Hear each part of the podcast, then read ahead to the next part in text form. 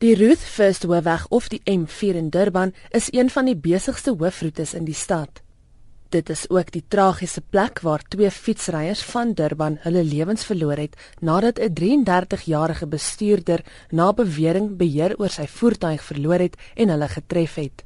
Helder neongroen merkers op die pad dui die punte van die botsing se impak aan. Die fietsryers, Richard da Silva en Jared Dwyer, was beide in hulle 40's. Die woordvoerder van die padverkeersinspektoraat in KwaZulu-Natal, Zinhle Mgomezulu, verduidelik wat gebeur het. We received a report of two cyclists uh, that were killed on this stretch of the road while they were cycling.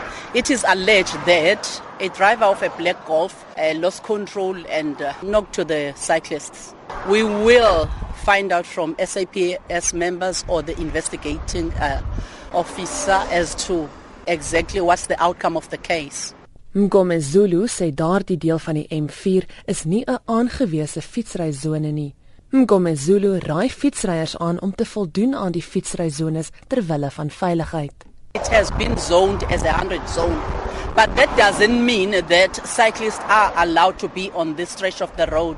We've got the M12 that has got the the space designated for cyclists. Die bestuurder is deur die polisie geneem om bloedtoetse te doen.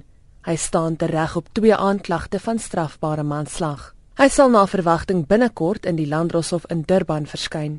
Hierdie verslag is saamgestel deur Minoshni Pillay.